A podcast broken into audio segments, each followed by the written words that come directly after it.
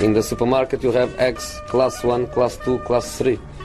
And some are more expensive than others and some give you better omelets. That's the wrong information. Wrong, wrong, wrong information. I didn't say that. That's the wrong information. Do you think I'm an idiot? Wrong, wrong, wrong information. Now look at me when I talk to you. Your job is to tell the truth. That's the wrong information. Sillypodden. Tillbaks då efter ett eh, långt och frustrerande juluppehåll för många. Inte minst för Patrik Bränning som har saknats den här podden nu i nästan ett år. Var tillbaks på jobbet för en eh, knapp vecka sedan. Men jag har hållit dig på halster Patrik. Ja, Eh, framförallt du som bestämde dig för att ta en extra veckas julledigt där och Ja men alltså. tyckte jag var lite skandalartat för här satt jag förra måndagen och, nej inte måndag kanske det var nyår men eh, onsdagen och väntade och väntade och väntade på att en lite jultjock Patrik eh, Syk skulle ramla in som en Ja, Eh, eh, som en välrimmad gris, men det gjorde du aldrig. Precis, nej. Eh, det var ju också lite för att få se dig eh, svettas här Ja, och, och, ja. och, och vrida på dig av all, all obekväm skrivande journalistik som du var tvungen att ägna dig åt istället. När man måste ha sig källor och underbyggda saker, inte bara kan sitta och spekulera. Det är fruktansvärt jobbigt. Ja, det är, det är inte så, det är inte därför vi är här. Nej, absolut inte. För vi ska prata silly season. Eh, för första gången på länge då, bara du och jag. Det, Ja. det är vi som är på den här bilden eh, ändå. Fast det är väldigt sällan vi som sitter och Nej, är pratar i den. Eh, ofta är det, ibland är det ingen utav oss, så kan det också vara. Du har gjort ett litet körschema. Jag har samlat, in, jag har samlat in frågor, vi har delat upp så. att då. börja ska vara lite ambitiösa efter ett års frånvaro så att Ja, ja, ja. Eh, högst upp har du skrivit Rabios mamma. Ja, jag hade ju sån ambition nu när jag gick in i det här att nu ska jag ha allt på eh, Adrian Rabios mamma. Att vi ska köra en timme special Adrian Rabios mamma. Nu har jag inte hunnit det för de skickar ut mig på någon jävla bayern träning här. Eh, inget ont om Hammarby på något sätt men man vill ju hellre sitta hemma på redaktionen och läsa om Adrian Rabios mamma liksom. Mm. Det jag har med mig är att hon heter Ver- Veronique. Eller Ja. Veronica kan vi säga på svenska då. Ja. Eh, och är en sillig gud av eh, sällan skådat eh, mått. Mm. Hon, hon dyker upp tidigt i spalterna redan när han lämnar PSG för Toulouse på någon slags låndeal och fansen är rasande tycker att han har för, för lite tålamod den goda Adrian och då säger eh, hans mamma då att eh, fansen hade förstått om de också hade varit föräldrar. Mm. Eh, och sen så har hon varit med hela tiden. Hon är alltid i bakgrunden. Den här eh, omtalade förseningen när Rabiot missade PSG spelarbuss när han skulle iväg till en bortamatch. Vem satt bredvid Adrian han var sen dit? Adrian Rabiots mamma såklart. Ja. Och nu eh, ska ju Rabiot bort då från PSG. Det påstås att han är helt överens med Barcelona efter att han eh, nobbat Tottenham. Och vad var Adrian Rabiots mammas förklaring till varför han inte skulle till Tottenham? Jag vet inte. Ja, han är för stor för Tottenham. Ja, det är klart han är. Ja, det är det Hon är fantastisk är hon. Och, Ja, eh, nej, men jag, jag, gillar, ju- jag gillar ju henne. Ja, ja, tycker- jag älskar henne. För att hon är ju en morsa liksom. Ja. Hon är ju verkligen en morsa. Hon är inte bara en morsa, hon är en girig morsa. Men, men det jag tycker är lite, om man ska dra det här lite jämställdhetskortet som vi, vi ska försöka spela lite då och då och då tycker jag. Så undrar man ju om man hade varit lika fascinerad om hon var en farsa. För det, det finns så jävla många pushande farsor. Det finns så många giriga farsor och vi har liksom eh, Tiger Woods föräldrar, Serena Williams, eh, Venus Williams eh, farsa. I fotbollen finns det också otal eh, exempel på pushande farsor. Men det är fan inte så vanligt med pushande morsor på det här sättet som tar, tar så mycket ansvar. Det är väl Icardi som närmar sig nu när han har överlåtit hela agentverksamheten åt sin flickvän då. Eh, också en ganska intressant person men Ja, annars är det inte precis. så många. Nej men det, det som jag ändå tycker jag känner med, med eh, Veronique är ju att hon Alltså en agent ska ju jobba för spelare. Ja, ja. Eh, riktigt så Och för sig själv. Riktigt så går det ju inte till eh, alla gånger nu för tiden. Det är inte så att, att, att agenten bara är någon slags ombud som kan gå på möten i spelarens eh, eh, intresse. Så är det ju inte utan agenterna styr ju väldigt mycket hur spelarnas eh, hela karriärer liksom eh, mynnar ut. Inte minst de här största och eh, pratar vi då om liksom Jorge Mendes, vi kommer komma in på det senare, att där har ju spelarna inte alltid någon vilja själva vad de ska göra. Lägger du Eh, en Peppe-cliffhanger här nu? Ja precis, det Ja, blir en liten fint. peppe cliffhanger Men eh, man får ju känslan av ändå en morsa, hon har ju Adriens bästa för, alltså hon, hon går ju över lik för, det, hon är ju inte där för sin egen skull Nej, nej så är det. Om Utan man, hon, det är ju, det är ju lilla Adrienne liksom, Ja, ja, som ja. hon ju förstås eh, har en, en, en övertro på, du vet, som man har om sina barn liksom. Att det, de är ju, ens egna barn är genier, alla andras ungar är idioter. Eh, Det det är ju så hon ser på fotbollseuropa. Eh, Adrienne är ju den, det stora mittfältsgeniet och alla de andra soporna liksom. Eh, Tottenham, vad ska dit? Vem, Christian Eriksen, vem är det? Moussa Dembélé. Eh, det är väl inga spelare att hänga i granen. Nej, hon, hon har ju lyckats så ska man säga, för om man ser, eh, jag twittrade om eh, den goda Adrienne och hans mamma eh, häromveckan och då, då svarade Pontus Farnerud, en av dem som svarade och han liksom så här, totalsågade Adrian Rabiot som fotbollsspelare också, vilket jag håller med honom på varenda punkt. För att det är ju en väldigt begränsad spelare, han ses ju fortfarande som en slags talang och han, han har ju absolut inte blommat ut till någon, någon ny Matuidi eller så i PSG. Och ändå så, så spelar han på ett superlukrativt avtal i PSG för att han satt och höll dem lite som gisslan förra gången också när hans avtal löpte ut. Och nu hamnar han eventuellt i FC Barcelona då. Och sett till den spelkvaliteten han har så är det, det är ganska bra klättrat av en agent att få sin spelare dit. Det måste man ju ändå säga. Absolut. Eh, Sen finns det ju han ytterligare en dimension här. Visst var det så att han krävde lika hög lön som Mbappé va? Ja det utgår jag ifrån, jag vet inte säkert men så kan det mycket väl vara. Ja, ja. Men är ytterligare dimensioner i det här som jag tycker nästan är ännu mer kittlande. Det är ju det här att det påstås att det fortfarande finns en, en stark rivalitet mellan Barcelona och PSG sen PSG då betalade Neymars utköpsklausul och mot Mm. Barcelonas vilja bara stal honom då. Och det är ju kittlande för att de enda som verkligen värderar Rabiot Eh, inte riktigt lika mycket som hans mamma men nästan. Det är ju PSGs klubbledning för att de ser honom ändå som någon slags egen juvel och som någon slags Han är från Paris. Exakt och det finns ingenting de är så sugna på som en egen produkt som ska komma fram. De försökte ju lansera Mbappé som en egen produkt med de här gamla bilderna när han hade PSG-tröjan och sådär. Men det, folk köper ju inte riktigt det. Rabiot hade ju folk köpt lite. Om han hade exploderat och blivit den här franska landslagsspelaren och liksom en kulturbärare i PSG. Det varit så viktigt för dem. Så de är ju jättesugna på honom kvar även fast han kanske inte är lika viktig som spelare. Och om Barcelona då Hoppas jag, bara tar honom av den anledningen för att jävlas nu med PSG riktigt rejält efter Neymar-affären och sen sätter honom på bänken och låter honom spela ut kontraktet. Då hade jag bara avgudat Barcelonas klubbledning. Så det hoppas vi på.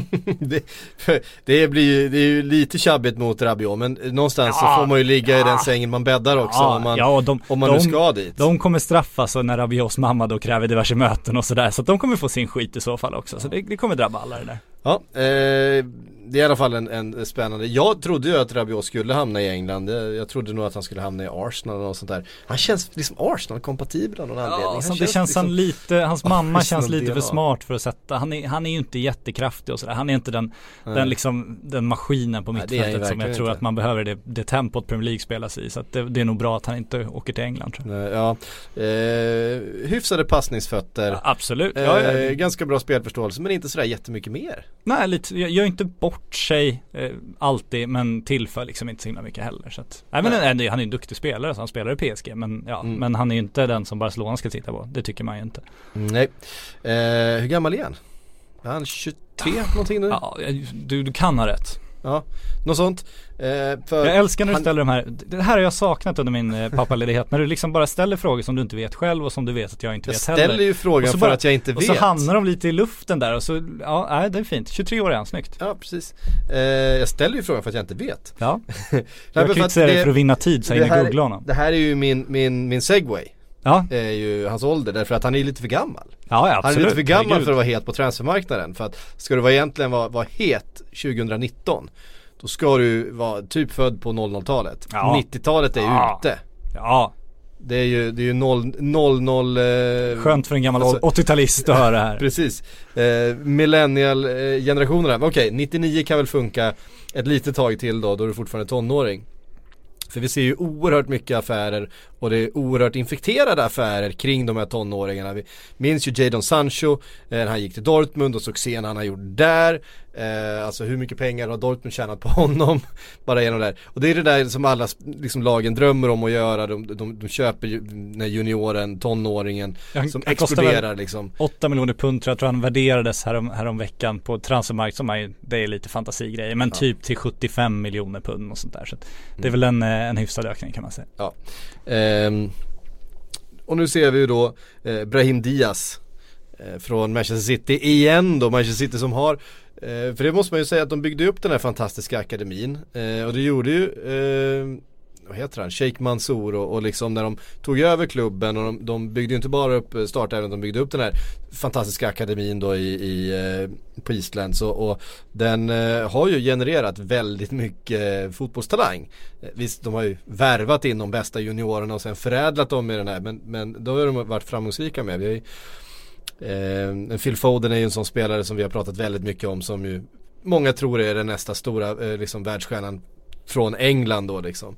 Jadon Sancho sprang om honom eh, eftersom han då fick speltid, vilket Ja. man ju inte får i Manchester City. Brahim Diaz, eh, samma sak där, super, super talang. Mittfältare kommer ju inte få speltid i, i eh, Manchester City, eh, rör på sig, hamnar i Real Madrid. Eh, för att han vill helt enkelt bara därifrån. Nu pratas det om Eh, Hudson Odoi i Chelsea, samma sak där. Super, super talang. Bayern München är där och ska värva honom. Eh, vi får väl se hur det går med det. De sitter ju på eh, liksom, inte så långa kontrakt de här spelarna. Av en anledning, för att de är tonåringar.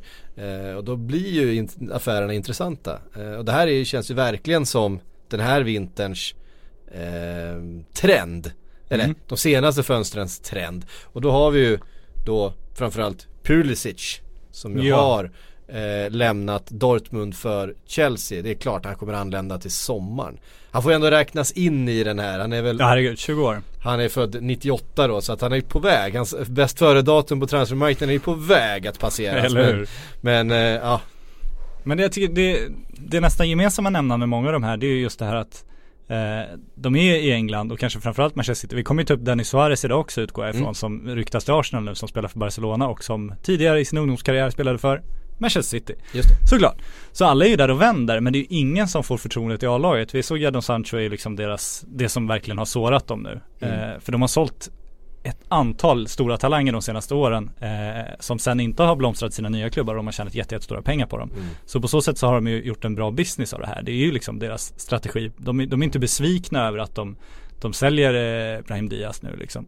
Trots att de skulle vilja förlänga honom så är de inte besvikna för de tycker att de får bra betalt för honom och liksom har gjort det jobbet de har gjort får de betalt för. Men det, det knepiga blir ju när liksom Christian Pulisic återvänder till brittisk fotboll för jätte, jättestora pengar. Samtidigt som de skickar ut eh, de här Odoi och, och eh, Sancho och Bram Diaz och, och alla de här spelarna som inte får chansen. Så åker de någonstans, får chansen och sen värvas de svindyrt tillbaks. Pulisic har inte varit i England förut. Men istället för att värva Pulisic så kan man ju tycka att de, borde, de engelska lagen borde ha gett spelare som Jadon Sancho chansen då. För han petar ju bevisligen Pulisic nu under hösten i Bundesliga. Trots att han ansågs för dålig då för Premier League. Så, men det är ju det här alltid så här, ja, men de har inte tagit sista steget och de är inte redo för Premier League. Nej men vart, vart ska de ta sista steget då? De kommer ju aldrig kunna ta det i Premier League för att det, det går ju inte att slå sig in i Manchester City. Det går ju inte om du inte går med på att sänka kvaliteten på ditt lag tillfälligt för att kanske höja det så extremt mycket om några år. Men de har råd att skita det. De har råd att skicka iväg dem där och sen köpa tillbaka dem ännu dyrare. Det, det betalar sig bättre för dem. Och det, det är ju på något sätt, alla pengarna som finns i engelsk fotboll nu, det, det, den största konsekvensen som det får är ju att du har A-trupper som inte producerar eh, spelare. Alltså du har akademier som Ja, gör ja, det. det är Men- två skilda Men verksamheter. det är två skilda Ja. verksamheter, du har inga A-trupper som gör det för att där är kortsiktigheten så Ja. otroligt eh, De behöver inte ha långsiktigt, de behöver inte jobba på det sättet för de kan hela tiden köpa nya spelare. Och det är ju den, den, den absolut största effekten. För vi tittar på England som nu sitter på en generation spelare som har vunnit precis allting. De vann eh, U17 VM, U19 VM, U20 EM, U21 VM samma år. Om, det, nu så, om jag blandar ihop EM och VM där. Ja men alltså det var, det är helt sjukt de spelarna som kommer här. Vi pratar, ja men de vi har nämnt och Foden och Ryan Sessegnon och Ryan Brewster och eh, alltså hela det här eh, liksom paketet med spelare. Alltså en hel generation som kommer nu. Och ingen får speltid. Nej det är Ryan Sessegnon som får speltid i Fulham nu då. Men det är liksom den enda. Ja, men det du får är ju liksom, du har ju en verksamhet som en akademiverksamhet som inte längre producerar spelare till A-laget utan den producerar pengar till A-laget. Alltså du säljer dina talanger och så får du pengar till A-laget och så kan du sen köpa färdiga spelare för dem. Mm. Det är ju den nya strategin och det, det är ju så det har blivit. Sen tycker jag också med Pulisic så finns det också ytterligare en, en, en spaning man kan eventuellt göra. Jag vet inte om jag är hemma på den här riktigt men det, det är en tanke som slog mig i alla fall att eh, det har alltid varit så tal om att man vill få fram den där egna engelska produkten. Alla klubbar Mm. vill ha en Harry Kane som de kan liksom ha som omslagspojke och locka fans och sådär. Men Exakt. man kan ju ifrågasätta hur viktigt det är att ha en Harry Kane om det inte är viktigare att ha en Christian Pulisic. För om, om, liksom, om Chelsea skulle få fram en, en eh, egenproducerad London-kille sådär. Alltså, Mm. Englandmarknaden känns ju rätt mättad. Du har ditt område dit du, där du rekryterar fans ifrån. Alla brittiska fotbollsintresserade personer har ju redan ett favoritlag. De yngre får sina favoritlag mycket på grund av liksom vilka i skolan man håller. Precis som man själv fick, Mm. fick sitt favoritlag. När jag växte upp så var det inte så att jag började heja på liksom GIF Sundsvall. Det, det var ju helt onaturligt när man växte upp i Stockholm. Utan då hittar man ju något lag i närheten. Det gör ju Mm. alla. Så du kanske det är viktigare för dem att finna en amerikan då. Där du får Fan liksom vad en du kommer få frågor om Ja, vilket ja lag du herregud, håller absolut. på Och det kommer jag inte svara på heller. För jag håller inte på dem längre.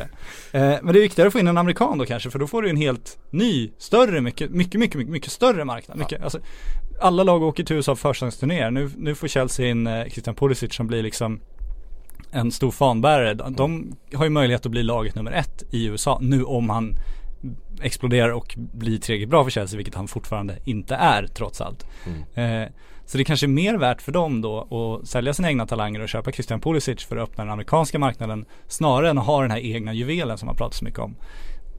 Jag vet inte, men det kan vara så. Det kan absolut vara så. Eh, sen har jag fått känslan i alla fall att den amerikanska ehm, publiken ändå upptäckt Premier League tidigare. Det är också en Ja, stor, ja, det, det, är, en- det är en stor Därför han går dit, Eh, Pulisic. Exakt, för det är också den, den största marknaden för honom. Ja. För det är den som är absolut mest, mest känd i, i eh, USA. Ehm, det är väldigt eh, intressant. Jag var ju där eh, i somras och var på den här försäsongsturnén och, hängde med amerikanska eh, Premier League-supportrar och det är ju en, en så här en ganska skön blandning av amerikansk fot eller amerikansk sporttradition och sportkultur blandat med någon slags europeisk eh, slash engelsk ändå för de skiljer sig ändå lite i, i läktarkultur och såna här saker. Det, det har liksom blivit en ganska en ganska härlig sörja borta i USA ändå ty- tycker jag. Alltså det, jag, jag kan verkligen rekommendera folk att, eh, att åka över. Om man, Att åka till USA ändå- och se på Premier League. Det Ja, är men, rekommendation men, nu. men på, på en, eh, alltså om man är i USA av Ja, någon anledning, gå på en pub och kolla på en Premier League-match, häng med den lokala supporterklubben. För man får verkligen någonting ganska unikt i eh, deras sätt att vara supportrar. Det är ju oerhört eh, kort mellan att du typ upptäcker ett lag tills att du, du har eh, hela kittet och kan alla som, alltså det, det, det, det Du finns en- köper produkten kan Ja, man ja säga. men väldigt mycket mer så än på ett annat sätt. Och det är helt okej där. Mm. Det är liksom en del av deras idrottskultur. Och jag, jag kan verkligen uppskatta att de har sin egen. Jag, jag vill verkligen inte att det ska bli liksom en, eh, som det har försökt, jag menar, eh, vad heter de, New York City. Eh, när de skulle ha sina jävla ultras mot den moderna fotbollen. Det var ju, det var ju kul bara för att det var så oerhört patetiskt.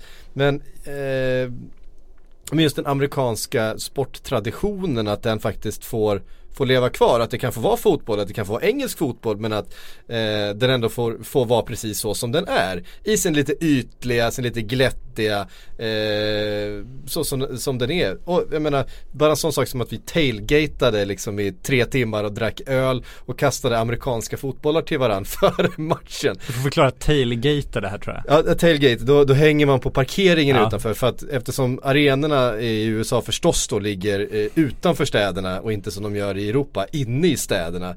Vilket är idiotiskt att lägga en sån grej inne i en stad. Eh, för då, det kräver liksom att du kan ta dig dit via buss och tunnelbana och här saker. Det har, det har stått i såna här köer. I USA tar man ju bilen. Eh, för man tar bilen överallt för det finns inget annat sätt att ta sig. Mm. Tar man fyra bärs och så kör man hem igen som de gör i alla filmer. Absolut. Det är väldigt tryggt. Så, så gör man ju också då va. Eh, så att där står alla vid sina bilar och sen då tailgate är det att man öppnar bakluckan och sen så grillar man och dricker bärs och sen så är det en hel dag liksom. Eh, jag träffade ett gäng från från Liverpool då i, eh, i New Jersey som det här var på den här eh, MetLife-stadion, den som då ska vara eh, VM-finalarena tror jag, eh, 2026. Oj. Eh, helt nybyggd grej. Mm. Fantastisk. Ehm, och de bara, alltså vi stod och pratade, här. tänk om man skulle liksom prova att ha en tailgate i, i Liverpool för en, för en ligamatch. I det här fallet då var mot Manchester City. Hur snabbt det hade spårat ur. Men, ja, ja herregud. men det funkar ju där. Eh, och det var kul. Ja, Hade skitsamma. gärna Det sett i var, Sverige också på Friends Arenas, vadå, fyra parkeringsplatser utomhus och sen, alla, alla var i parkeringsgaraget där bara. Precis, men har vi några arenor i, i Sverige som ligger, som ligger utanför stan? Guldfågelarena ligger ju en bit utanför Kalmar. Även Malmös kan man ju säga ligger lite utanför. Ja. Eh, Halmstads ligger väldigt fint där. En liten promenad längs vattnet ut från sta- stadskärnan. Jo men absolut, men det, det är inte riktigt tailgate-läge va? Nej, nej, det kanske för att låta som en dryg stockholmare, det, det är ju inte riktigt den typen av städer heller som liksom, det, Nej, om du kan cykla till arenan på en kvart när det ligger utanför stan så behöver du kanske inte ta bilen heller. Om jag vill, om jag vill, om vi då ska återknyta till Pulisic. Om jag vill få ut någonting utav att banden mellan europeisk och, och amerikansk eh, soccer eh, eller idrottskultur kommer närmare varandra är ju snarare att jag vill ha en tailgate till, till europeisk Ja, fotboll. hör vad du säger. Jag förstår att det är omöjligt att genomföra i, i, i vissa lägen. Försök ha en tailgate i Istanbul till exempel.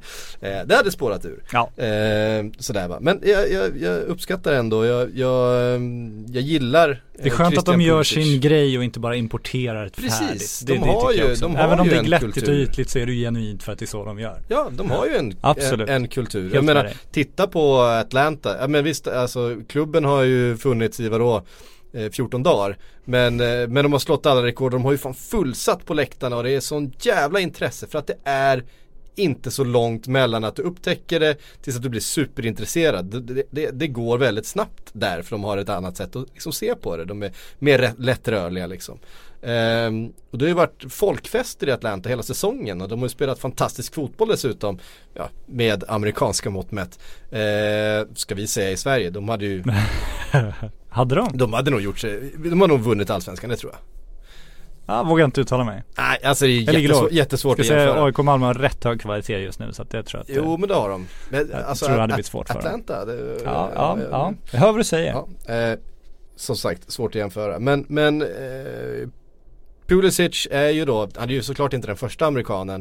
Eh, men han är väl den första amerikanen som har liksom omnämnts på den här nivån. Clint, Ja. den, Clint Dempsey blev ju aldrig det. Eh, Nej, Landon Donovan var inte Len- där. Freddy Adu nästan, nästan.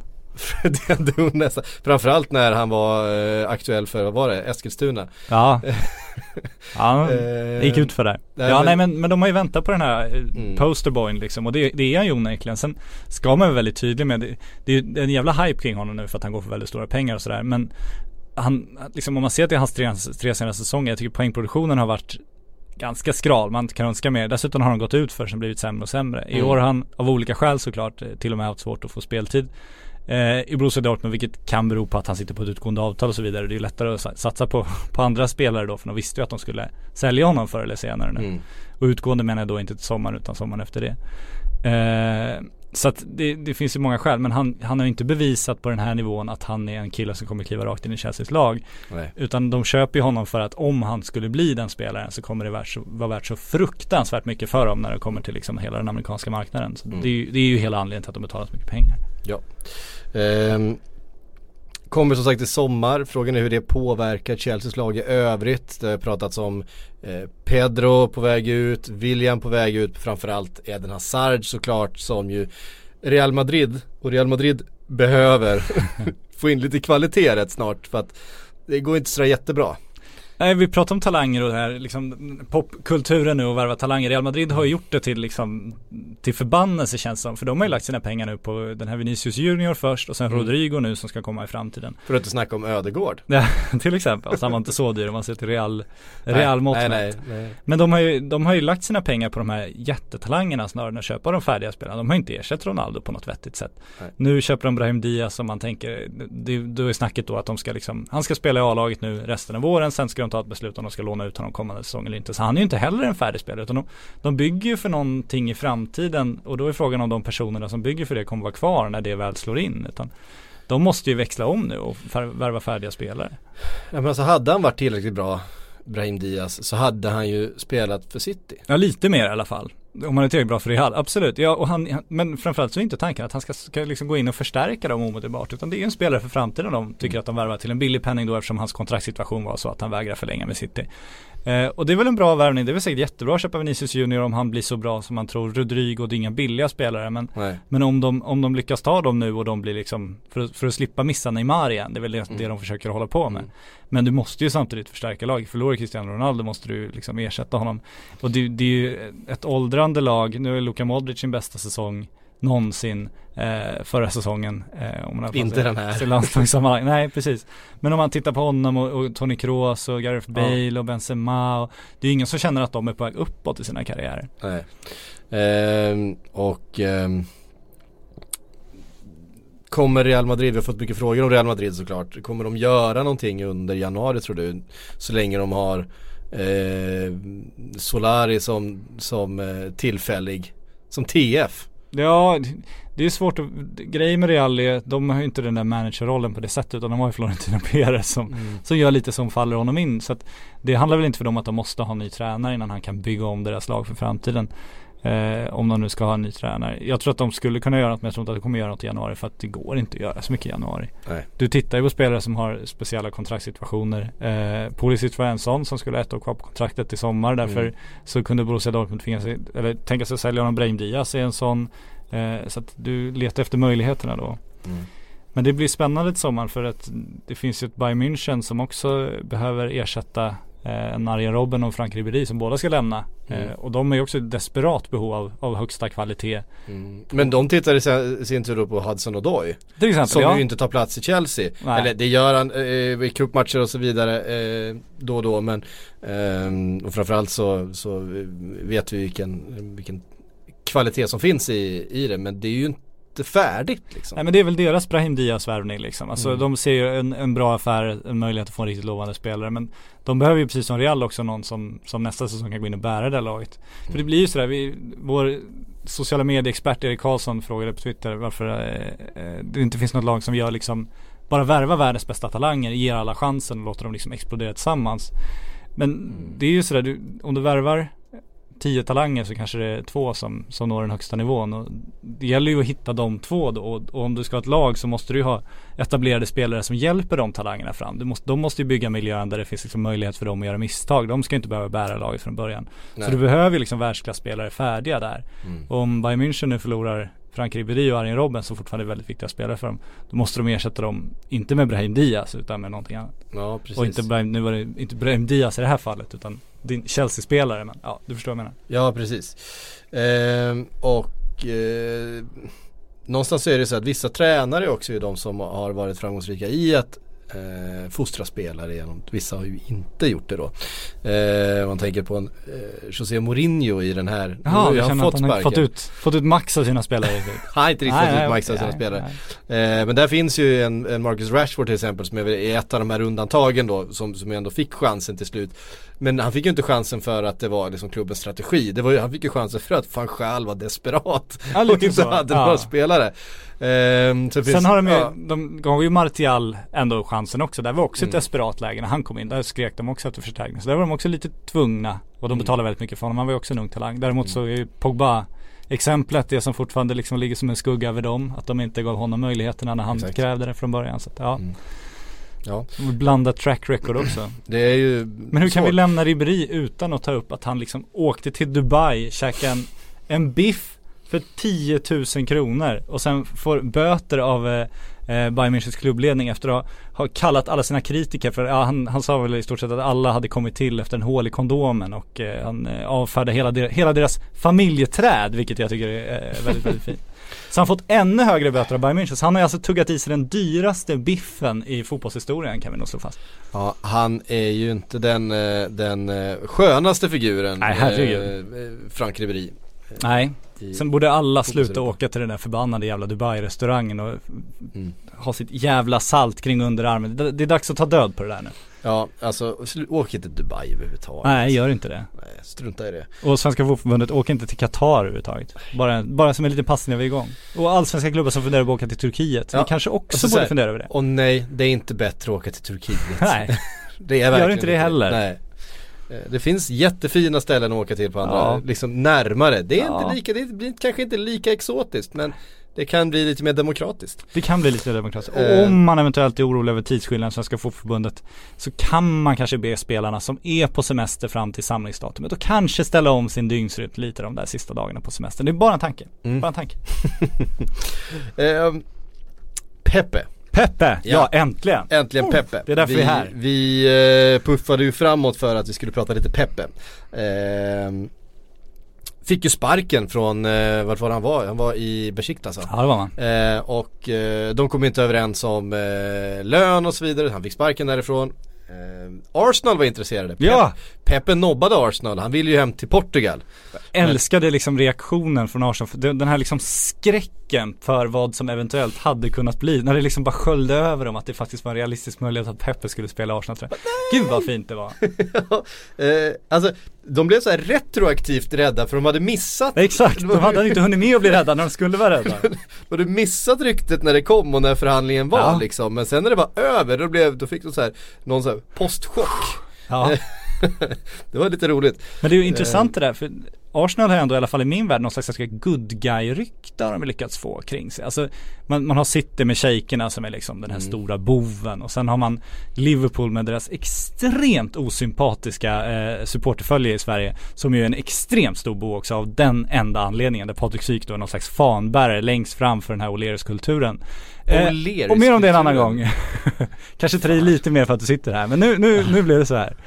Fan den Twitterstormen nu. Men det, ja, jag får ta det. Den, den är du värd. Ja, men det, och Chelsea med liksom Roman-imperiet som ju också är superbovar såklart. Och så har liksom Arsenal så glidit in lite från sidan för de har liksom aldrig varit något hot, eller aldrig, men på så länge. De har liksom varit den här, det är Arsene Wengers gamla lag, det där, de gör liksom ingen fluga för när, för de är aldrig riktigt med och hotar och de liksom, De har ju gett den gnälliga supporten ett ansikte i alla fall. de det känns att. Liverpool-supportrarna inte har gjort Nej eller? men alltså herregud, har du sett Arsenal TV eller? Det- Ja, jo det är sant i och för sig. Ja, där är de starka. Men förstår du lite, man, ingen, ingen hatar ju riktigt Arsenal för att man inte har så mycket, inte har varit, haft så mycket att vara det rädd för liksom. Nej precis. Så därför vill man ju in Pepe i Arsenal, det är ju fan där han ska vara alltså. Ja, alltså dessutom så har ju Arsenal på något sätt saknat tänder lite grann de senaste tio åren även Ja. på planen. Ja, Eh, jag menar, To- Torre- formulerar du fint. Eh, Torreira kom in den här säsongen och visade lite vassa armbågar och lite fysik och lite eh, krigarinställning centralt på planen. Helt plötsligt såg Arsenal ut som ett helt nytt lag. Ehm, Ja men de behöver ju någon lite bad guy som liksom sätter fart på det där. Ja men Det verkligen, det har ju vi sagt sen Vira lämnade. Ja. Han var ju på något sätt definitionen av allt det där. Eh, men eh, Peppe, alltså, Ja, nej, jag det- förstår ju det det, alltså, det, det, Ja, finns ju ingen fotbollsspelare kvar i honom. Nej men det Eh, ingen, ingen klubb skulle ju vilja ha Pepe, eller ingen klubb, ingen, inga supportrar skulle nog vilja ha Pepe egentligen. Det. Jag Nej. tror även Real hade lite svårt att och liksom någonstans se sig själva i spegeln när han härjade så värst. Jag trodde ju att han skulle hamna i Manchester United då när han lämnade Real Madrid. Ja, Eh, just eftersom Mourinho hade kommit dit, de var i behov, de hade eh, precis värvat då Lindelöf och Bajia hade kommit strax innan. Det kändes som alldeles för ungt och orutinerat mittbackspar. Få in en Pepe, Mourinho gillar, gammal rutinerad, kan spela liksom eh, kan, kan, kan, kan alla fulknep liksom. Och den stora anledningen Jorge Mendes är agenten. Ja, eh, och så vidare. Men, men så hamnade han i Turkiet is- istället och eh, jag tror att han hade, han hade nog hamnat i Manchester United om det fanns en fotbollsspelare kvar i honom. Jag tror att Mourinho och även Jorge Mendes insåg att det inte fanns så mycket till fotbollsspelare kvar där. Eh, Fast Mendes- men! Mendes kör ju nu, nu kör han, för Pepe vill ju hem till Portugal, det är ju så Ja. fint nu men, men Jorge han Mendes får ju inte. Han får inte, för Jorge Mendes vill att vi tjänar ännu mer pengar på Pepe Ja.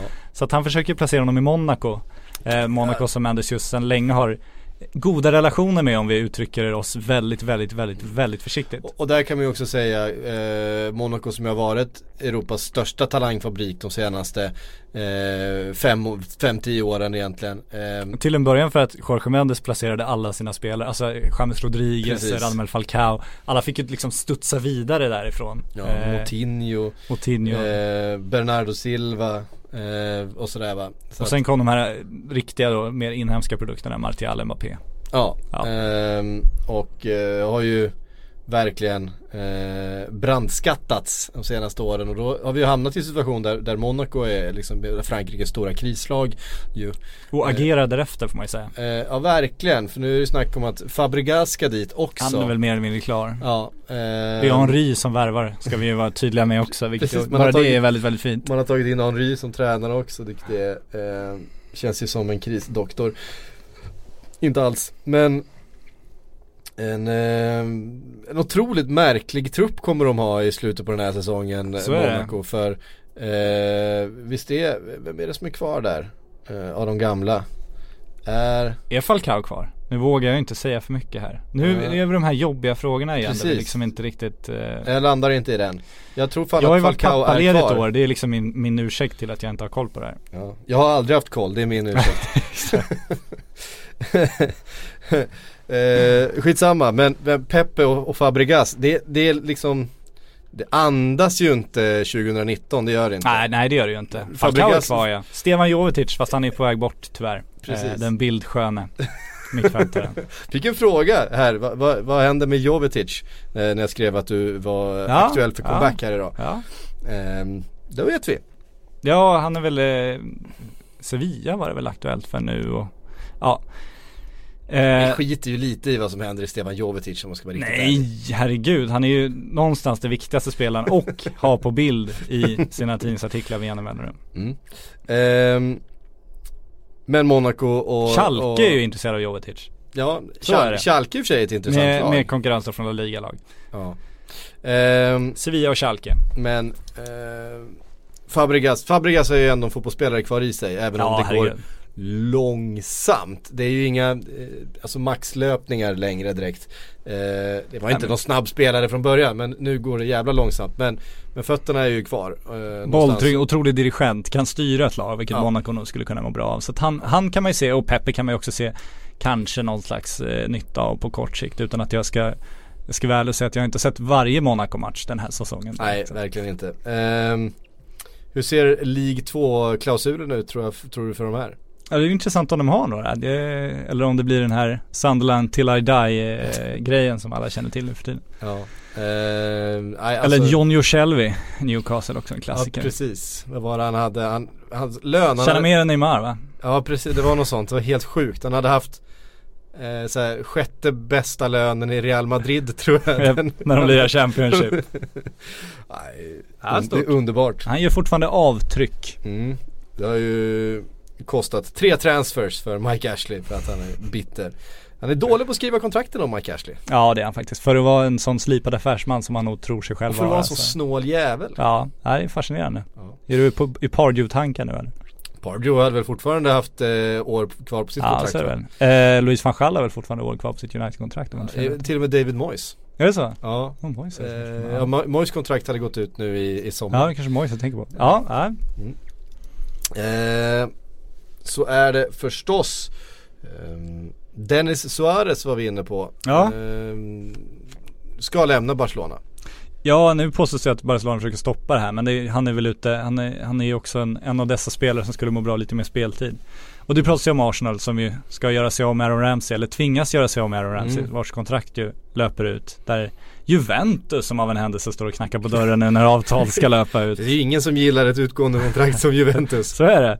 Så han lär väl hamna där. Bayern Eh, München har ju också eh, pratats om Ja. när det gäller Ramsey. Det vore ju kul om han bytte liga och det säger jag inte för att jag vill Arsenal illa eller för att jag tycker något särskilt om Aaron Ramsey på något sätt. Men alla engelsmän som eh, lämnar Premier League för andra stora ligor tycker jag är lite uppfriskande för det är alldeles för få som gör det. Ja, dessutom eh, hamnar en sån spelare som Aaron Ramsey i rätt miljö med rätt roll och rätt spelare runt omkring sig så är det ju en klassspelare tycker jag fortfarande. Han, han har ju oerhört mycket i sig. Ehm, men har ju inte alltid fått den eh, rollen i Arsenal. Han har ju eh, i perioder då han verkligen har haft det och han har fått den här spela på sin position och då har han ju liksom öst in mål och varit kanske lagets viktigaste spelare. Jag tror fortfarande, han har ju liksom klivit in i sin vad som borde vara bästa ålder nu eh, för att göra sina bästa Han säsonger. är 19 år eller va? ja, eh, var han? 27? Nu gissar jag. Eh, jag tycker han känns som en, jag tycker han känns som en 80 Fy, nej vad blir han? Nej vad blir han? En 92? Ja, då är han 27 ja, i år. Han känns som en 92. Ja, ja han är född 90 han. 28. Ehm, precis, då blir han 29 år. Ja, Herregud. Ja men over då, the hill. Ja nästan. Ja men då, är, då ska han väl ha haft kanske sitt bästa år då förra året. Men har, mycket skador förstås. Men eh, eh, det blir spännande för Dennis Suarez i alla fall. Eh, Arsenal har också pratats om att Manchester City tillbaks då där han en gång eh, fostrades. och vände. Var ja, fostrades kanske åt Nej, det det åt- Malaga från början tror jag men. Det eh, snackas ju också om att det, det är liksom det här med eh, homegrown-regeln. Eh, just för eh, Manchester City. Det spelar egentligen ingen roll vilken klubb det är om det är homegrown i, i England bara va? Eh, Alltså, jag- så tror jag inte att det gäller honom. Oh. Celta Martin. Men oavsett den här homegrown, det är inte dags att de bara skrotar den nu. För den har ju varit liksom för att engelska spelare ska få möjligheten att komma fram och få sådär. Men, men det gör ju bara att de bulkar upp och på tillräckligt bra engelska spelare sätter de i truppen och så får de liksom inte spela så mycket. Så, fan, ta bort den så kan Premier League-lagen bara fylla, fylla sina spelare med, med svin Getting engaged is a moment worth cherishing. A one of a kind ring that you design at Blue Nile can help your love sparkle. Just choose your diamond and setting. When you've found the one, you'll get it delivered right to your door. Finding the right engagement ring can be nerve wracking. At Blue Nile, you'll have the expert guidance needed and a diamond guarantee that ensures you're getting the highest quality at the best price. Cherish all of life's moments and save up to 30% at BlueNile.com. That's BlueNile.com. dyra utländska stjärnor så kan alla brittiska talanger åka till, till Bundesliga och, och La Liga och Serie A och bli fantastiska spelare och så kan de lyfta Englands landslag. Eh, vi har haft ett rykten under dagen här idag också ju. Ja, Eh, det största är ju förstås eh, Kristoffer Olsson. klar för Krasnodar ja. Precis. Jag tror att en och annan AIK-supporter som är lite besviken eh, ute i stugorna och samtidigt 50 millar. Ja, jag tror att AIK-supportrarna ska nog vara lättade mer än besvikna om jag ska vara ärlig. För om man hör, om det man hör stämmer så är de där Isak-pengarna ju ganska förbrukade. Om man tittar pressmeddelandet AIK skickar ut nu också så tackar Jens T Andersson eh, uttryckligen styrelsen för att de vågade satsa så mycket ekonomiskt på den här truppen som vann guld nu. Eh, så att jag tror att AIK har bränt väldigt, väldigt mycket pengar för att få det här guldet. Och, och för att hålla skeppet flytande så behöver de nya inkomster. Lyckas de komma till Champions League så har de ju säkrat de inkomsterna för ett antal år. Och då kommer den här satsningen vara liksom historiskt lyckad såklart. Eh, når de inte dit så kommer de behöva sälja spelare för att hålla sig flytande. Eh, så är det. Och Kristoffer Olsson är ju den, var ju den juvelen den de hade möjlighet att plocka in mycket på. Nu såld för 45-50 miljoner. De får någonstans mellan 20 och 40 miljoner kvar. Eh, för det finns vidareförsäljningsklausuler från gamla klubbar och det är agenter som ska ha betalt. Eh, icke att förglömma. Vem har han som agent? Jag vet faktiskt inte vem man har nu. Eh, men jag vet också att AIK har väntat med att agera på nya spelare tills Kristoffer Olsson skulle säljas. Vilket visar att de inte har så mycket manöverutrymme utöver honom. Så jag tror att det, det var viktigt för AIK att få mycket pengar för honom och det var viktigt för AIK att faktiskt få honom såld. Och, så det, det här är nog en bra affär för alla. Eh, kommer väl behöva ersätta Koffe också då? Ja, och det finns ju eh, Haksabanovic är en spelare. Jag tror inte att han är sedd som en direkt Koffe-ersättare på det sättet. Det är en annorlunda spelartyp. Jag tror att de har en, ett annat namn på gång också. Så vi får se om, det, om de landar honom eller inte. Kan Djurdjic vara intresserad? Nikola. Ja, han borde ju komma. Han, han hade ju en, Hänger- hänger med AIK han hade ju en spelare. svinbra förklaring till varför han var på den här. Jag har ju pratat med Nikola Djurdjic nu på Hammarby-träningen. För första och enda gången så talar han ut om den här incidenten. Han befann sig på AIKs guldfest eh, efter förra säsongen. Och han säger ju att han var där, han tänkte gå men han var där en halvtimme för att Mikael Lustig kom med AIK-spelarna. Och han känner då Lustig för att eh, Eh, när Djurdjic själv var aktuell för Celtic så ska Lustig ha varit någon slags mellanhand där. Eh, så de har lärt känna varandra. Så han säger att han ägnar den här halvtimmen åt att försöka få Lustig att komma till Hammarby när han vänder hem från Celtic. Lustig som ju ryktas intensivt till AIK då som ersättare eh, till till exempel Alexander Milosevic. Eh, oklart om Djurdjic lyckades med sitt, sin insats där. Han var inte säker själv. Så han var där i ett agentärende helt Exakt, enkelt? men han är säker på att Lustig kommer till Sverige när han vänder hem från Celtic. Det är han, så mycket vet han. Och då, då borde vi ju ta Djurdjic på orden. Han kan, inte, han kan inte gärna komma någon annanstans när han vänder hem från Celtic. Hem, ja det beror på. De är ju, de är ju liksom världsmedborgare de här fotbollsspelarna. De har koll på politiken, de har koll på maten, de har koll på kulturen, de vet allting. Allting. Ja. Ehm, på tal från Celtic är steget till Rangers inte långt. Nej, det är ganska kort. Nu så. Ja, där Eh, satt den. pratar vi riktiga eh, segways här. Eh, Glasgow Rangers eh, måste vi nämna att det är Steven Gerrard som tränar dem. Ja, så det- det. Om det, är någon, det någon som har missat det så är det Steven Ja. Gerrard. Och han har eh, inte minst då slagit Celtic i, i eh, Old Firm här veckan. Det var ju eh, klang och jubelföreställning för den halvan utav Glasgow. Eh, Defoe, Ja, Jermaine Defoe. Eh, den, den, den gamle målsprutan. Ja men eh, Premier Leagues bästa värvning de senaste tio åren har ju alltid varit på något sätt. Nej men det känns som om man ska veta någon som, man ska ta in någon som du kan sätta på planen som omedelbart kommer göra mål för dig. Då ska du värva Jermaine Defoe. Och det sjuka är att det har funnits ganska många möjligheter att göra det för många klubbar för att han, han har ju flyttat på mål. sig. Han gör ju mål. Han gör ju mål, han är ju Eh. 73 år gammal nu. Ja exakt. Eh. Så man väntar ju på att det ska Ja, de tar in honom och Steven Davis. Det är inte Mm. så att de, de eh, det är inte Brahim Diaz, de poddens mest nämnda spelare som var Är, är Steven Davis, liksom oavsett vad det är, är han den osexigaste värvningen man kan göra? Ja, han måste ju vara där uppe. Eh, jag vet inte om jag har någon mer på rak arm sådär. Ja, han är ju där. Jermaine Defoe känns ju sexigt. Steven Davis kommer ju bara ramla in på, i bakluckan på Defoes bil nu. Ingen kommer bry sig om att han är där överhuvudtaget. Def, Defoe är ju alltid Defoe. Defoe är alltid Defoe. Eh, han som alltid har drömt om att spela i USA. Ja, till Toronto. Bevingat citat. ja. Eh, nej men det, eh, Apropå alltså, världsmedborgare och så vidare. Apropå världsmedborgare. Ja, men det är ändå kul att det finns två lag i eh, Skottland igen. Ja, ja, absolut, herregud. Och det är kul att eh, Steven Gerrard tränar en fotbollsklubb. Eh, även om man kan ifrågasätta på vilka meriter han fick det uppdraget. Men det är en annan diskussion. Ja, ja herregud. Han gör det bra. Han gör det bra. Han är tydligen oerhört eh, sådär eh, svår i intervjuer och han är tydligen stenhård mot sina spelare i alla presskonferenser och sådär. sågar dem hej vilt fram och tillbaks och han verkar vara en eh, lite, lite knepig figur. En, Den gamla brittiska skolan. Ja men på något sätt är han nog väldigt eh, influerad av den. Ja. Det är ju mycket Liverpool-supportrar som vill se honom i framtiden och ta över efter Klopp och sådär. Jag är, jag är inte helt övertygad eh, om att det kommer bli så. Det är klart att man vill ju alltid se gamla legendarer och eh, Solskär. Ja precis. När har det funkat egentligen? Solskär. Så, är vi klara med det. Det gick ju kanon. ja, fem matcher. Exakt. Eh, Ja, nej, det är en bra fråga. Vi, det är väl när, när Thomas Brolin blev spelande Ja, tränare. Vi har ju i och för sig Zidane. Gianluca Vialli och Ja. här. Ja, nej, Zidane är ju ett utmärkt exempel. Han är ett bra exempel. Sen vet jag fan alltså. Klopp i Mainz. Eh, ja, jo i och för sig. Eh, hur, ja, Pep Guardiola i Barcelona. Ja, ja exakt. Det, Ja, det finns det gick, det några. gick rätt okej det där faktiskt. Eh, Men de har ju liksom gått eh, rakt då från, eh, från eh, på något sätt de mindre leden. Ja, Guardiola var väl, han avslutade ju inte karriären i Barcelona. Han var väl vänd i, i Serie A och fick någon dopningsdom och annat härligt på meritlistan. Men ja. Men, men som sagt, men som tränare då? Ah, skitsamma. Det var inte dit vi skulle komma. Defoe till Rangers i alla fall. Ja, Ett eh, kul rykte. Vi har eh, fått en massa frågor förstås. Vi måste beta av dem. Kribba undrar, vilket lag har eh, Patrik Bränning kört med på eh, Football Manager under sin ledighet? han, han tror någonstans att man har tid över när man är föräldraledig. Nu ska jag inte hålla det här föräldraledighetstalet som alla håller för det är ni så jäkla trötta på. Eh, just nu är jag Leeds på min save. Eh, hur jag hamnade där, eh, eller vilket lag jag börjar med låter jag vara osagt. Men det, på något sätt har jag, eh, är jag Leeds nu. Du är Leeds nu. Ja. Ponne. Ponne är såld vid det här laget. Eh, det var en rolig eh, ramsa han fick i julas förresten, den där Wham-låten. Ja, Eh, Vilken Last kan du Christmas den? I gave you my heart but the uh, very next day you gave this year to save me from tears I'll give it to Pontus Jansson. Ja. Han var inte den enda som det sjöngs på det sättet då, men den spreds eh, viralt, jag tyckte den var rolig.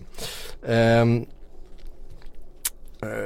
T. Järnberg eh, skriver, andra har varit inne på det också men jag frågar ändå, ja, eh, ja andra har varit inne på det i frågorna, det, ja, ni fattar. Eh, kommer City värva någon vänsterback? Delf Osichenko håller inte för att vinna varken Champions League eller Premier League i år. Eh, Mondi verkar fokusera mer på sociala medier än vad han gör på rehab. Har snackats lite om Chilwell och Junior Firpo.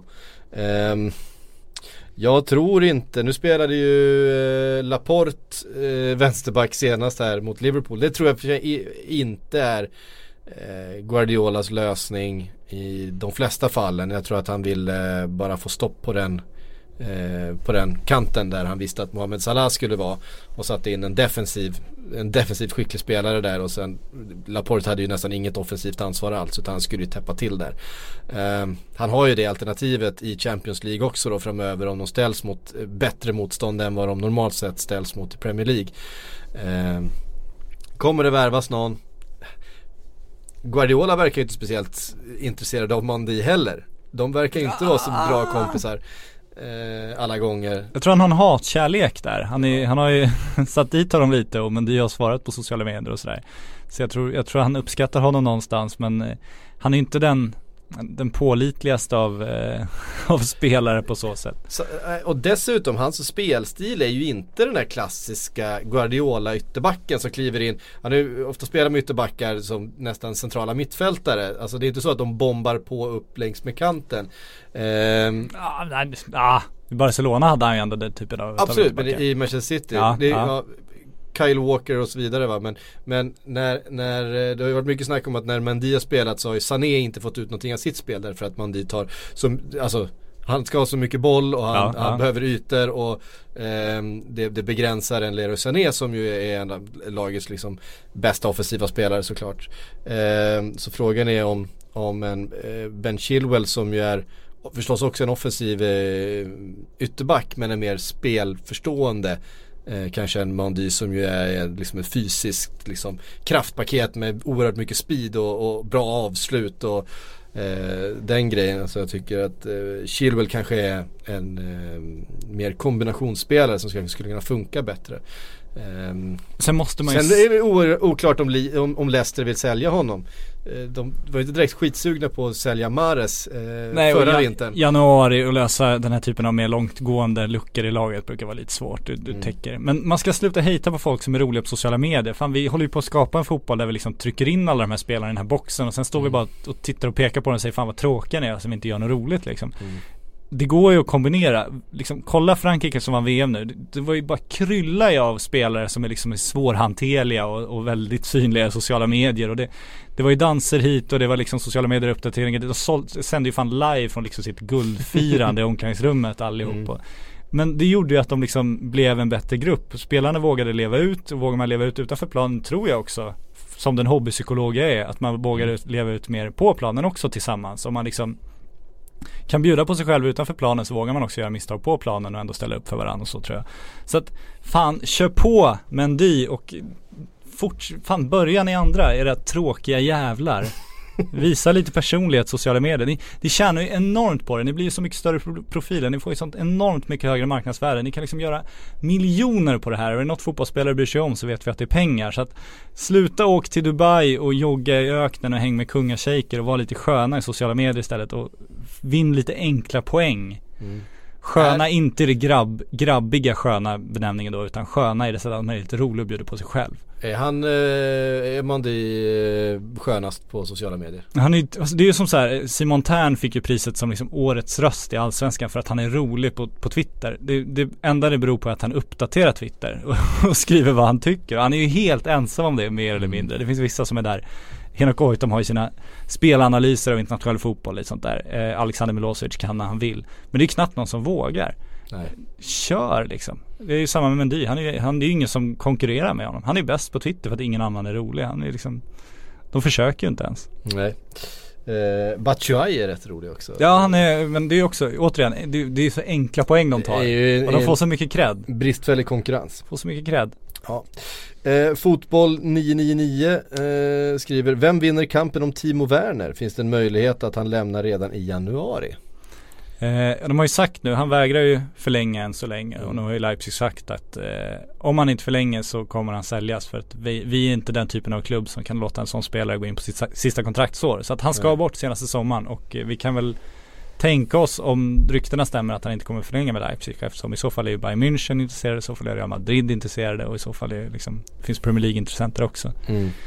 Eh, liksom vad, vad vill Lewandowski i Bayern München när Robben och Ribéry ska bort? Kommer han kräva en transfer nu? Är Real Madrid fortfarande intresserade då? Kommer Timo Werner bli en ersättare där? Mm. Eh, jag vet inte hur het Timo Werner är utanför Tyskland efter sin oerhört bleka VM-insats där han ju trots allt skulle vara liksom det tyska ankaret och Gjorde ett fint mål.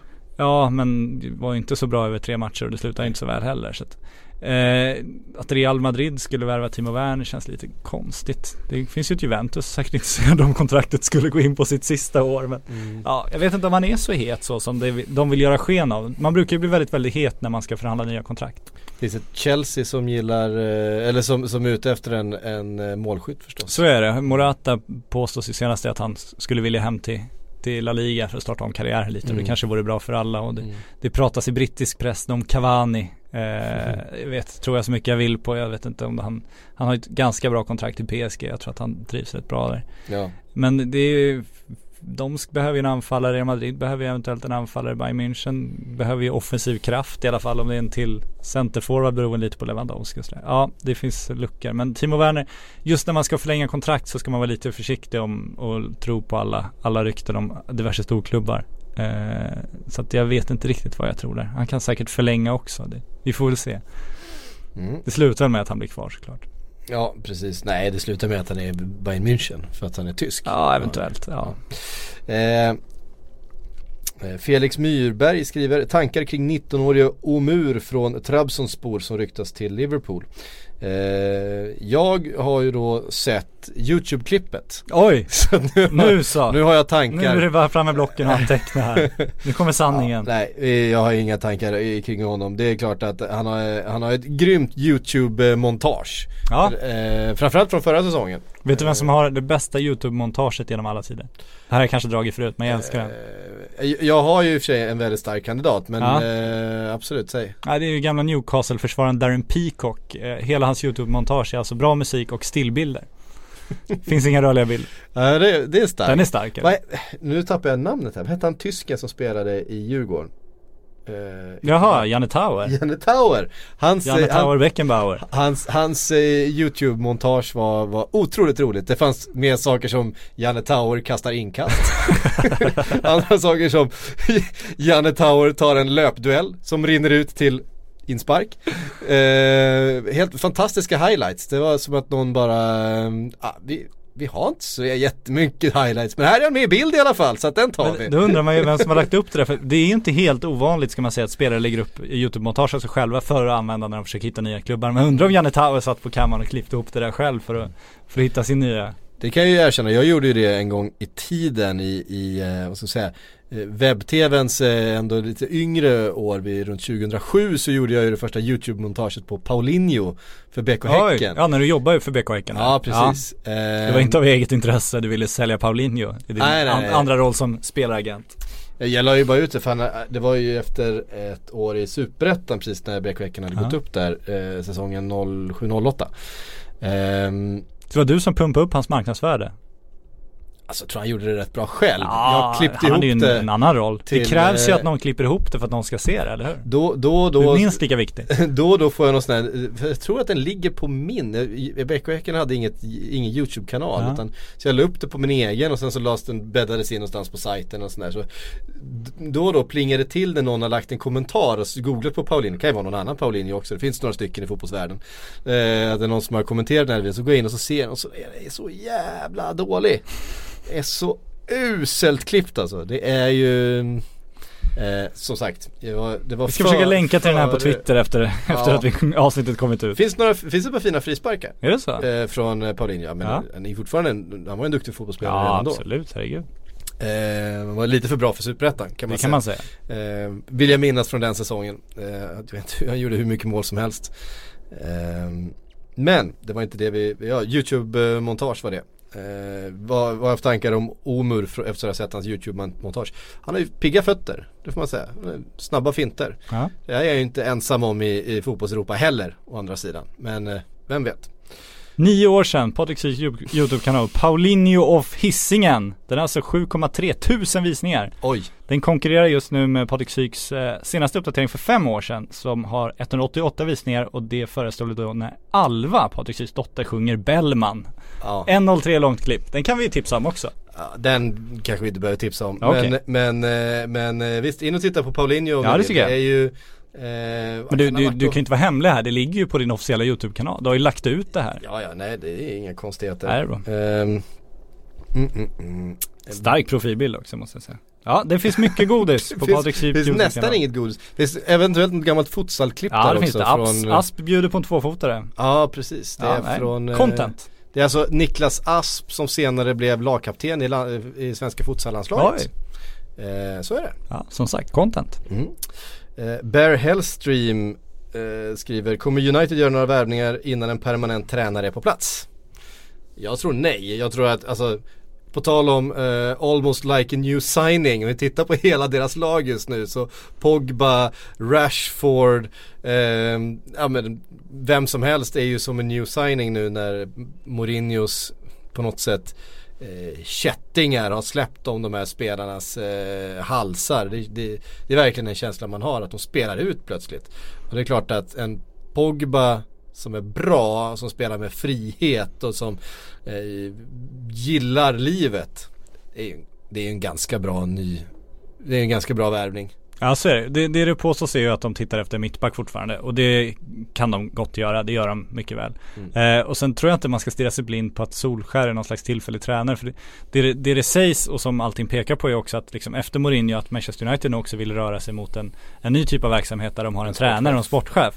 Mm. Eh, vi såg exemplet nu med Chelsea i, när de värvade Pulisic nu och Mm. Sarri fick frågan då, "Ja, men visste du att den här affären skulle gå igenom? Nej, jag hade ingen aning om att den skulle gå igenom nu. Nej. Eh, De har frågat mig tidigare vad jag tyckte om spelaren, jag har sagt att jag tycker om spelaren och sen har jag inte vetat vad som fungerar. Mm. Så de gör ju värvningarna eh, utan att liksom tränaren är direkt inblandad. Manchester United vill ju också komma dit där, där det inte är deras manager som gör värvning utan att de har Exakt. en sportchef då.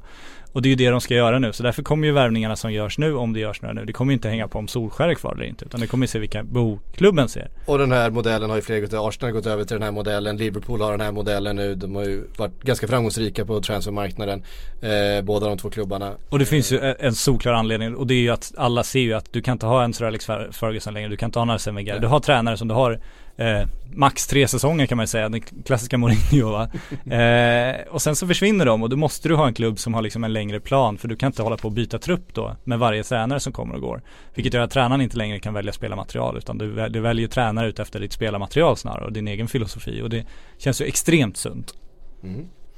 Eh, Niklas Willing vill att vi ska prata lite om Milans förmåga att misslyckas med sina etablerade spelare. Tänker på Bonucci och Higuain. Ja, det, är, det är fantastiskt ändå hur Milan har lyckats. Ja, Higuain är ju helt eh, makalöst att Ja men alltså- Bonucci också. Ja. Han var typ världens bästa mittback. Går till Milan. Är sämst. Ja, Kommer Eh. tillbaks. Är jättebra igen. Alltså det finns en, en, en gemensam nämnare här och det är ju Milan.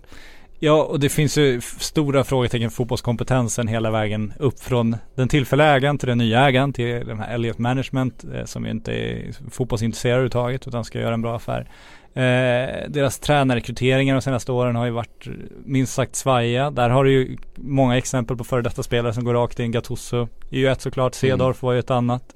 Filippo Inzaghi. Mm. Eh, så det, det kanske inte är så lätt att hävda sig i den miljön. Om, om kompetensen saknas runt omkring laget inte tillräckligt bra så är det inte så lätt att gå in och bära det. Med det sagt hade man ju förväntat sig mer såklart av Bonucci och Iguain. Ja. Att Iguain, som ändå var en jätteprestigevärvning och jag är förvånad att de kunde få den typen av låneavtal. Mm. Eh, kändes märkligt att han redan nu inte bara att han ryktas bort utan att det ryktas att Milan vill dumpa honom säger ju liksom det, det hade ju varit helt, det hade man ju aldrig kunnat tro på när den värvningen presenterades. Nej, det, jag tycker det säger någonting också om hur Alltså klubbmiljöer som inte fungerar, som på något sätt blir förgiftade Mm. av, av saker runt omkring. Hur mycket det påverkar spelare. Eh, att hur det är, så, det är så små marginaler, det är egentligen så lite kvalitet som skiljer mellan de bra spelarna och de jättebra spelarna. De kan göra i stort sett allting, alla de här spelarna. Det finns 2000 spelare i Europa som är bra det finns några få som är jättebra och skillnaden däremellan och sen så har du typ Messi som är där skillnaden blir lite större då. Ja. Men, men bland de här jättebra spelarna och bland de bra spelarna, den skillnaden är ju inte så stor och det som måste till för att de ska kunna vara jättebra det är ju faktiskt att det runt omkring fungerar. Annars så blir de ju inte mer än någonting annat.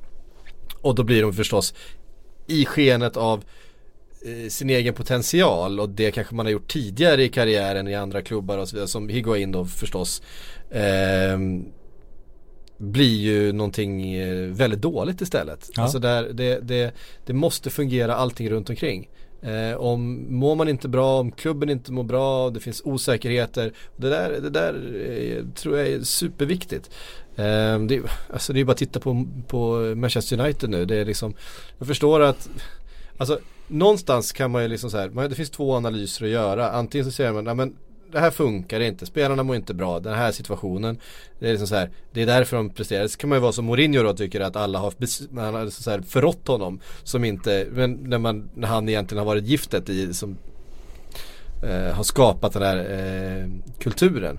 Så att det, det krävs, ja, det, det spelar stor roll. Ja. Jag, jag, tappade bort mig någonstans på vägen. Eh, skitsamma. Jag förstod vart du skulle även om du inte kom dit. Nej men som sagt, jag tror det är liksom Higuain är ju fortfarande en väldigt bra spelare. Ja, han har inte blivit ju- så mycket sämre på den korta tiden i Milan men Nej. om han återfinner sitt förra självförtroende, det är det. Om du börjar grubbla så vet man hur fort det kan gå ut för. På tal om då, så har ju Ted Magyar, på tal om miljöer som inte funkar just nu, eh, undrar, eh, han skriver så här. Vad behöver Real mer än Hazard? Känns som det behövs en person per linje. En anfallare, en mittfältare, en försvarare och en ny tränare. Eh, Allt utom målvakten. Ja, och även där har de ju inte liksom, det var ju inte, det är inte fem plus med Nej, Courtois. nej, det har det det inte varit. Men det, det finns ju potential där i alla fall. Det känns inte som de Jo, behöver ge upp nej, de behöver ju inte, de behöver ju inte liksom desperat. Nej. Även att de, hade de, hade faxmaskinen funkat där för några år sedan är det klart att de Gea eh, hade varit en bättre, en, bättre en bättre målvakt än Absolut. vad de har haft i övrigt. Ja, men Courtois är ju en tillräckligt bra målvakt för att Real Madrid inte ska behöva bekymra sig om det egentligen. Mm. Eh, men det är väl en bra span. Alltså, någonstans känns det som de behöver en- en ny start. Någon som kan liksom bära upp det här igen. Någon som kan göra, folk, göra att, att både spelarna och folket tror på att det finns liksom ett, ett eh, att Real Madrid är på väg uppåt igen. Att de inte är högst upp och så still eller att de är på väg neråt. Utan att de, de har en ny, en ny liksom vår på gång om man säger så. Eh, Gareth Bale vet man inte, han, han kan de få ut hur mycket som helst av men han är ju väldigt opålitlig med sina skador och sådär. Mm. Eh, mittfältet har vi varit inne på är lite åldrande. Försvaret, där finns det ju, Varann kommer de kunna bygga på men han har ju också varit, han gick ju från Guldbollen kandidat till ingenting liksom. Ja. Så eh, han behöver nog också kanske, kanske lite mer konkurrens med Ramos där också. Det vore väl inte helt fel. Marcelo vet jag inte hur han ser ut på lång sikt. Det, ja. De Ja. behöver ju föryngra och förnya, det är ju så. Jag har en konspirationsteori. Ja, hit med, älskar konspirationsteori. Eh, Real har ju värvat väldigt mycket talang. Ja. Väldigt mycket ungt. Eh, och står inför en generationsväxling. Har inte tillsatt någon ny, om man säger permanent tränare än. Kommer nog ha Solari resten av säsongen. Mm. Eh, in kommer Pochettino. Den tränaren i fotbollseuropa nu med bäst, skulle jag säga, meriter när det kommer till att utveckla spelare. Titta vad han har gjort med, med Tottenham. Harry, Ja, Ka- Harry Kane ja. var en U23-spelare när Poch kom. Eh, Alli var en, eh, var en eh, lovande 18-åring från MK Dons. Eh, Christian Eriksen, visst var en stor talang i Ajax men långt ifrån någon världsspelare. Alder Feireld var liksom utlånad, bänknötare utlånad som ytterback till Southampton. Ehm, eh, Moussa Dembélé kom från någon ganska undanskymd tillvaro i, i Fulham då. Och han har gjort de här spelarna till liksom inte världsspelare kanske allihop. vissa. Men Christian Eriksson och Harry Kane, Ja. absolut. Ja. Eh, jag, tror, jag tror att det, just hans sätt, hans förmåga att, att utveckla spelare ehm, de krattar för att Pochettino ska komma in och då ska det finnas ett gäng superlovande, sånt jävla råmaterial för honom att jobba med. Sen kanske det tar en säsong eller två. Sen så kommer Real Madrid med ett helt nytt lag fostrade med, med egna spelare. Eh, Ett nytt sätt att jobba, mer i tiden än att köpa Galacticos eh, som vi har ju sett inte är melodin längre i fotbollseuropa. Du måste spela ihop ett lag och du måste kanske spela ihop en kultur i din spelargrupp ehm, för att det ska funka. Ja, det är min konspirationsteori. De köper, de köper talanger just nu Ja, för att ja. ge Pochettino ett, ett underlag när han kommer. eh, Jag, i jag väljer att inte ifrågasätta det här av två skäl. Det ena att man vill ju se Daniel Levy lyfta på luren igen och det är Real Madrid i andra sidan. Eh, det vill man ett och så vill man ju också självklart, och det är ju absolut det starkaste skälet, se Erik Nivas reaktion när Real Madrid kommer att ta Pochettino. Och alla rykten kommer om att de ska ta Harry Kane och Dele Alli och Messi. Man vill bara liksom se honom bara sakta, sakta grusas ner hans hopp om framtiden för Tottenham under en sillig sommar. Det hade varit trevligt tycker jag. Mm. Där står han sen med Sissoko och Erik Lamela kvar. Exakt, håller dem stenhårt i I och handen. för sig eh, Sissoko har faktiskt varit jättebra. eh, Ja, det finns ju framtid för Tottenham även om, Ja, om. Pochettino skulle gå. Ja, det, var, det var bara en, en, en konspirationsteori som jag, som Jag gillar vad jag hör. Väldigt hemmasnickrat. Eh, vet ni vad? Eh, silly season eh, rasar vidare. Eh, podden är slut för idag. Eh, vi ska väl försöka få ihop en vända till i slutet på veckan här tänkte jag. Ja, om du bara Eh, kommer in. Det, kom, det kommer nya rykten. Men nu är vi igång. Ja, det är bra. Nu, nu, eh, nu kör vi tycker jag. Så, eh, vi har ju en riktig deadline day det här fönstret också. Man har ju saknat det i somrar. Eh, Liksom, sommarfönstren blir så rumphuggna när det inte blir någon riktig deadline day och England slutar liksom två veckor före de andra och det, de slutar inte heller på samma dag. Det är liksom Italien ena dagen och Spanien nästa och sådär. Eh, nu har vi ju en, en deadline-tid en dag för alla, nämligen helt enkelt torsdagen den 31. Så då kör vi på riktigt. TV-studion är bokad, vet jag. TV-studion bokades idag. Mm. Fick, fick du gåshud nu? Ja, lite. Ja. Nej, nej, det Eh. fick jag kanske inte men Jo, absolut. Du är väl lite pervers nästan när jag får gåshud av det. Ja, ja. men vad fan. Eh, vi förväntar oss inget mindre. Nej. Eh, tack för att ni har lyssnat. Vi hörs snart igen. Just det bara en, en shout-out till er som också lyssnar på Premier League-podden. Alltså Sportbladets Premier League-podd. Eh, den kommer på onsdag istället för tisdag. Ja, nu har jag sagt det. Bra, hej. I think I worked for 16 years here in England and I deserve a bit more credit than wrong information.